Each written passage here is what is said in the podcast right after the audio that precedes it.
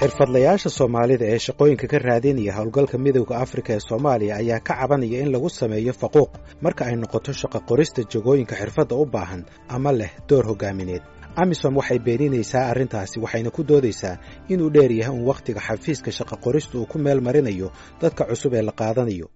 Xeeldheerayaashuse waxay leeyihiin dowladda soomaaliya ayaa gabtay inay la xisaabtanto hay'adaha iyo ururada ajnebiga ee waddanka ka shaqeeya bishii maarso ee sannadkii aynu soo dhaafnay ayaa toban xirfadlayaal soomaali ah waxay u fadhiisteen imtixaan ay ku hanweynaayeen inay ku helayaan shaqooyinka xirfaddooda u qalma. Shaqooyinkaasi waxaa xayeysiiyey ururka midowda afrika. Goobta imtixaanka lagu qaaday waxay ahayd muqdisho waxaana fadhiyey saraakiil ka socotay midowda afrika ee adisababa iyo saraakiisha amisom. Haddii ay shaqada ku guulaystaan waxay rajaynayeen inay la shaqayn doonaan howlgalka nabad ilaalinta midowda afrika ee amisom. Saddex iyo toban bilood kadib tobankaasi qof weli amisom iyo midowda afrika shaqo kama aysan helin muune casir maxamed waxay ka mid ahayd tobanka qof ee shaqadaasi codsaday si gaarana waxay u ahayd gabadha keliya ee ku jirtay shaqaalaha u sharaxnaa jagooyinkaasi toban wiil iyo anigoo gabarah yaan meesha ku tagnay taasay ay hawsha marka hore ku bilaawda laakiin in gaabkan intaan uu galaayo oo aan weytin ugu jirayno waxay nagu noqotay nafsirkeena wax oo fajac ah oo aada nooga yaabiye in lagu yidhaahdo imtixaankii waad ku guulaysatay intaana waa gaabaad ku sii jiraysaa oo weli mah cadda xilliga aan ku shaqaalo waxaa kale oo v o a ay waraysatay laba ka mid ah dadka imtixaankaasi galay oo shaqadaasi codsaday.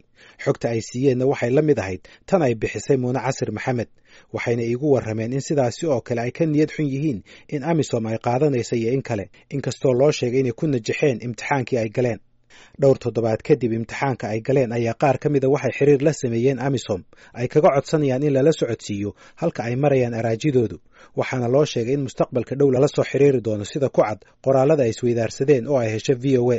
Mid ka mida waxa uu ii sheegay in midowda afrika aanu siinayn wax mudnaan ah inay shaqaalaystaan soomaalida ama aysan ku baraarugsanayn in soomaalidu door weyn ka ciyaari karto inuu guulaysto howlgalka amisom maadaama ay yihiin dadkii waddanka yaqaanay mid kale waxa uu ii sheegay inay jiraan xaalado kale oo ay ka mid yihiin kalsooni darro lagu qabo soomaalida iyo inay cabsi ka qabaan in soomaalidu kula tartanto jagooyinka soo baxaya. Sidaasi darteedna qori la yskaga hayo. Bishii disembar ee aynu soo dhaafna ayaa muune casir maxamed loo sheegay inay ku najaxday imtixaankii iyo waraysigii ay gashay. Hase yeeshee ilaa haatan looma fidin shaqo. Sababaha ay u jiitamaysana waxaa loogu macneeyey inay miisaaniyaddii isdhintay aniga in badan oo xiriiraan ka sameeyey meesha gudaheeda waxay ii sheegeen in gaab jiray oo ay rabeen fanka stability fund inay ka bixiyaan oo iyagiina dhexdooda loo diiday. Fan kale inta ay raadinayaan oo ay rabaan inay shaqaalihii shalay imtixaanka ka qaadeen oo waa idin qaadanay dheheen oo ku guuleysateen ay dheheen inay fankoodii saas ku raadiyaan saas ku helaan.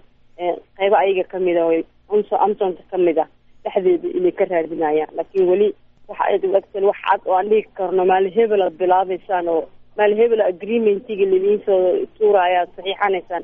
Ma jirto weli. Tobankiinii qof isku wada mid miyaa mise qaar baa shaqada helay xilli hore? Maya weli weli waa cid waxaysa ma jirto. Kulloo wada joogaan qaarkood way soo wacaan. Ana ay weydiiyaanba intee wax marayaan maxaa information oo ka heshay siduu xaalka yahay keliya ma aha in codsiyada shaqo ee soomaalidu ay jiitamayaan. Xaqiiqadii kooxdan waxay noqon lahaayeen kuwii ugu horreeyey ee soomaali ah ee qandaraas shaqo oo u dhigma xirfadooda ka hela midowda afrika gaar ahaan howlgalkiisa soomaaliya. Tan iyo intii howlgalkaasi uu shaqada bilaabay koob iyo toban sano ka hor. Marka idinkaa noqon lahaa dadkii ugu horreeyey ha annagaa noqon lahayn dadkii ugu horreeyey oo soomaaliya oo dana dhalinyaraha oo udhexeynaya bulshadooda iyo iyo dadkan afrikaanka oo waddanka nabad ilaalinta u joogo maxay ku dhacday marka koob iyo toban sano kadib inay hadda yidhaahdaan soomaali? Baa shaqo siinayna inkastoo aysan weli aydina shaqaynaysiin mas'uuliyadda waa mas'uuliyad dawladeed oo qof shacaba uusan waxba ka qaban karin bas ma geli kartidba haddaadan haysanin i d dawladeed ama haddaadan haysanin i d kalento ama hay'ada ama n g o ah oo ama oo aadan hinsino kulahayn meesha gudaha iskama geli kartid. Marka mas'uuliyad guud oo oo la wada xambaari karo haddana si gaar ah waxaa iskale dawladda waxaa u shaqeeya amisom in ka badan afartan qof oo isugu jira turjumaano iyo dad ka qaabilsan warbaahinta laakiin ma cadda xirfadda lagu soo xulay. Waxaa kale oo warar sugan ii sheegeen in qaar badan oo ka mid ah ay muddo sanado ah si tabarucaada ugu soo shaqaynayeen amisom. Si kastoo ay yihiinba waxaa la ii sheegay in shaqaalahan intooda badan ay qandaraaska siisay hay'adda qaramada midoobe u qaabilsan taageerada soomaaliya ee unsos. In yar oo farakutirisa oo ka soo hartayna ma haystaan qandaraas sugan oo leh xuquuq shaqo oo dhammaystiran mid ka mid a turjubaanada amisom ayaa ii sheegay oo igu yidhi sidan inkastoo ay soomaali badan ka shaqayso qaybta warbaahinta ee amisom haddana ma aha shaqooyin dadka ka shaqeeya ay wax go'aamin karaan. Amisomna ay talo ku biirin karaan. Waxa uu ku tilmaamay shaqada ay hayaan inay la mid tahay qof la yidhi shaatigan ii feere ama ii tol. Hadba sida lagaa dalbado ayuunbaad samaynaysaa ayuu yidhi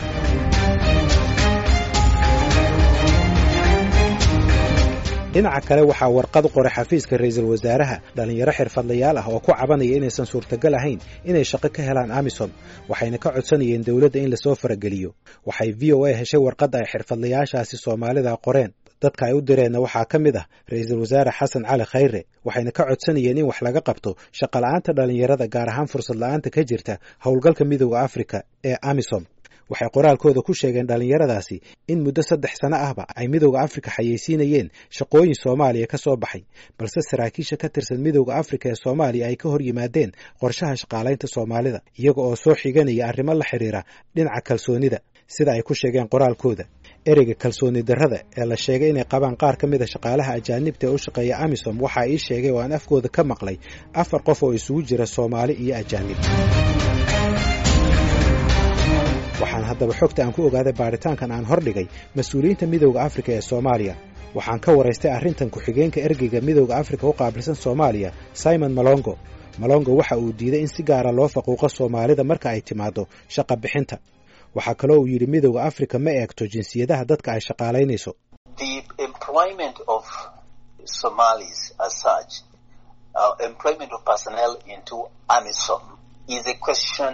of the African Union Commission Human Resources Department. They're the ones who advertise, they're the ones who recruit, they're the ones who post staff into AMISOM. shaqaalaysiinta soomaalida sideedaba iyo qorista shaqaalaha loo qoro amison waa su'aal u taalla waaxda shaqo qorista ee midowda afrika.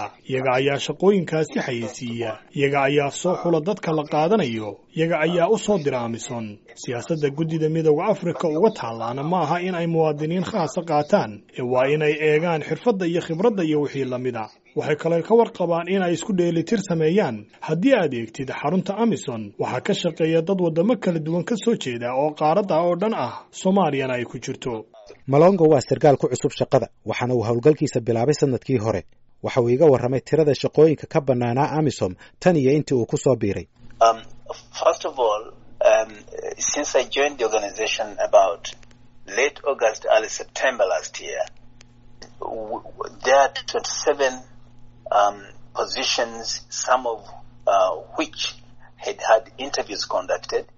tan iyo intii aan ku soo biiray dabayaaqadii august horaantii sebtembar waxaa soo baxday toddobiyo labaatan boos oo qaarkood dadkii codsaday la waraystay qaar kalena lagu tala jiray in la waraystay laakiin ilaa februari sanadkan afar boos ayuunbaa loo fidiyey shaqo.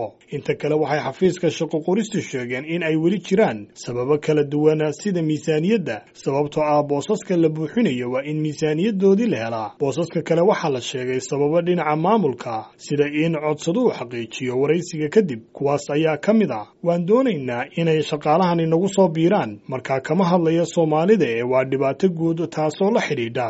Inay xafiisyada iyo maamulku wax kastoo dhammaadaan. Sidaa daraaddeed ma aha faquuqu waxaan weydiiyey simon malongo eedeynta ka imanaysa xirfadlayaasha soomaalida ee ah in lagu sameeye faquuq gaar ahaan in xafiiska shaqo qorista ee amisom uu cudurdaar ka dhigto qaab aan rasmi ahayn oo ah in hay'adaha amniga ee soomaalida aysan ka helin macluumaad ku saabsan dadka la qaadanayo haddii uu cudurdaarkaasi jiro waxa uu la mid noqonayaa mid ka mid a sababaha uu cuskaday madaxweynaha maraykanka donald trump markii uu muwaadiniinta soomaalida ka mamnuucayey inay soo galaan waddankan maraykanka.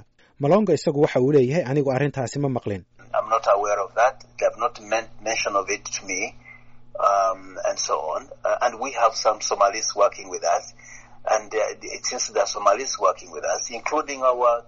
taasi kama warqabo ima aanay sheegin taas.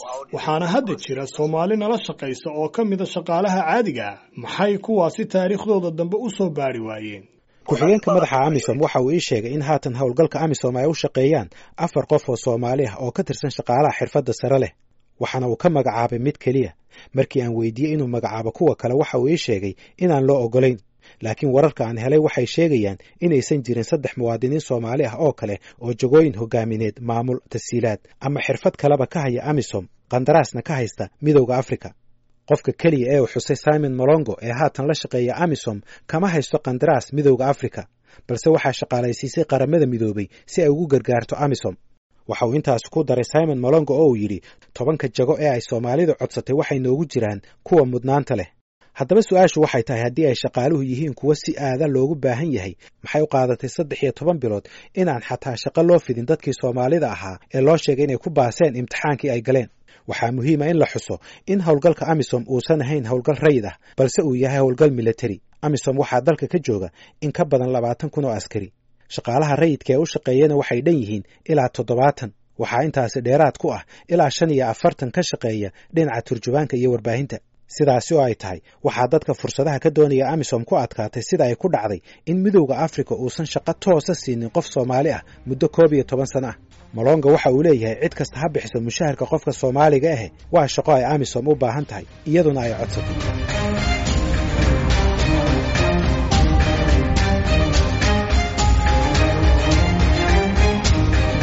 ma cadda haddaba waxa ay dowladda soomaaliya ka qabatay arrintan. Ilaa haatanna waxaan sugaynaa in dowladda soomaaliya ay sharaxdo siyaasaddeeda ku aadan xuquuqda shaqaalaha soomaalida. Waxaanse la hadlay guddiga baarlamaanka u qaabilsan shaqada iyo arrimaha bulshada. Guddoomiyaha guddigaas xildhibaan cali sheekh cusmaan cali jawhar waxa uu ii sheegay in sharci qaabilsan shaqada ay ka shaqaynayso dowladda soomaaliya. Hase yeeshee ay ahayd inay dowladdu ogaato xaaladdan dadka shaqooyinka ka codsanaya amisom iyo xarumaha ay ka shaqeeyaan ururadani waxaan dareemayaa runtii markii laga hadlo amisomtaas iyo dowladda soomaaliya inaysan xiriir wanaagsan lahayn. Bal waxaan filayaa xataa shaqaalaha ka shaqeeya amisomta halkaa inaan canshuur laga qaadin baan filaya oo ayagu iska shaqeeyaan iska shaqeeyaan iskoodna isaga baxan marka wax control weyn ilaa hadda looma hayo iyo wax la xisaabtantoona waa gartay.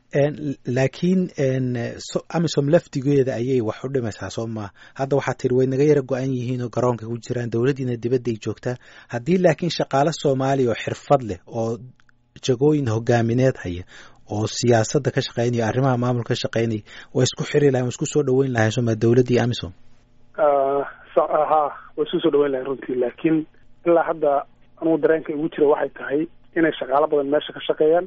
Shaqaalahaas oo ajnabi ah aysan ka shaqeynin welibana shaqaalo badan oo soomaaliya inaysan ka shaqeynin baan rajeynayaa xirfadaha ay ka shaqeeyaanna waa xataa wax fara badan oo qaban karaan shaqaalaha soomaalidu ay qaban karaan waxaa ka mid a dhismayow baa ka mid a aada u tira badan oo gudaha laga wado airboortka iyo meelahaas. Soomaaliduna way qaban kartaa. Marka waxaan filayaa inaan connect inaanan lahayn baan umay badan. Cabdi daahir diiriya isagu waxa uu horey macallin uga soo ahaan jiray jaamacaddii soomaaliya. Waxaana uu ka soo shaqeeyey wasaaraddii arrimaha gudaha soomaaliya sanadihii ugu dambeeyeyna waxa uu la shaqaynayey hay'adaha caalamka oo ay ku jirto tan bankiga adduunka. Waxa uu leeyahay shuruucdii shaqada soomaalida ee hore u jiray haatan ma shaqeeyaan. Cabdi daahir diiriya waxa uu intaasi ku daray oo yidhi ma jirto cid ku baraarugsan hay'adaha ajaanibta iyo wax ay ka qabanayaan waddanka. Horta waxaaba meesha ka maqan haaruunow cid cid bee ku ku ku ilaalinaysa ama ama ama ku xisaabinaysa ma jirto. Waxa ugu dhowaan lahaa commissionka commissionkuna isagu taas tiisaaba haysataa union ama ururo shaqaale oo xoogan oo oo xuquuq u dagaalamana ma jiraanin. Hataa civil society strong ah oo vibrant ah isagoo qudiisa xuquuqdaas u sheegaahina ma jiro. Marka sharcigii wuxuuba uusan dee qofka xuquuqdiisi ayna ku xasilaynin sharciga waa la qori karaa oo waxba walaaqa ku qoran waaye. Marka waxa wax xoog ku meel mariya haddii la waayo ma soconayo dee cid u dacwoonayo u soo qabanayso ama dawladda ciidamadeeda ahaydna ma jirto. Marka shuruucda caynkaasa hadda ma shaqayso. Waa gar fursadaha soo baxa muwaadiniinta waddanka loogu yimaado ma mudnaanta koowaad bay leeyihiin ma talabaad bay leeyihiin mise ururkaas ama hay'addaas unbay ku xiran tahay siday u maamusho? Wa ma jir ma jir. Waxa ugu dhow waxa weeye oon mar xusuusnahay wasaaradda maaliyadda ayaa waxay loo sameynayey maaragtay public finance management assessment ama need assessment baahideeda xaggaas financiga aniga waa layla soo xiriiray hay'ad baa ila soo xiriirtay. Hay'adda markay ila soo xiriirtay ayay wasaaradda maaliyaddu ay recommendation bixisa markaa. Intaas ayaan is leeyahay wax dawladda xaggeeda ka soo gala halkaas halkaas bay ahayd marka waxaad moodaa inta badan inaanan dee xoogba loo helinba arrinkaa isaga. Qofkii shaksiga ahayo xaqa waayeyna wuxuu is leeyahay dee cidiba kuu qaban mayso. Kii la rabay inuu isagu de ilaaliyo kor joogana dee maba isna ma kor joogi karto. Xerada cid ugu tegi karaynba nimankii ajaanibta ay waxay galeen halkaas fasyooni degan yihiin wax ugu tegi karaba ma jiraan haddii ay dowladda xilligan jirta iyo kuwii ka horreeyeyba ay wax ka qaban lahaayeen arrintan waxaa meesha ku jirta inaanay jirin shuruuc iyo qawaaniin adag oo degsan oo loo maro amisom si ay shaqooyinkan u siiso xirfadlayaasha soomaalida.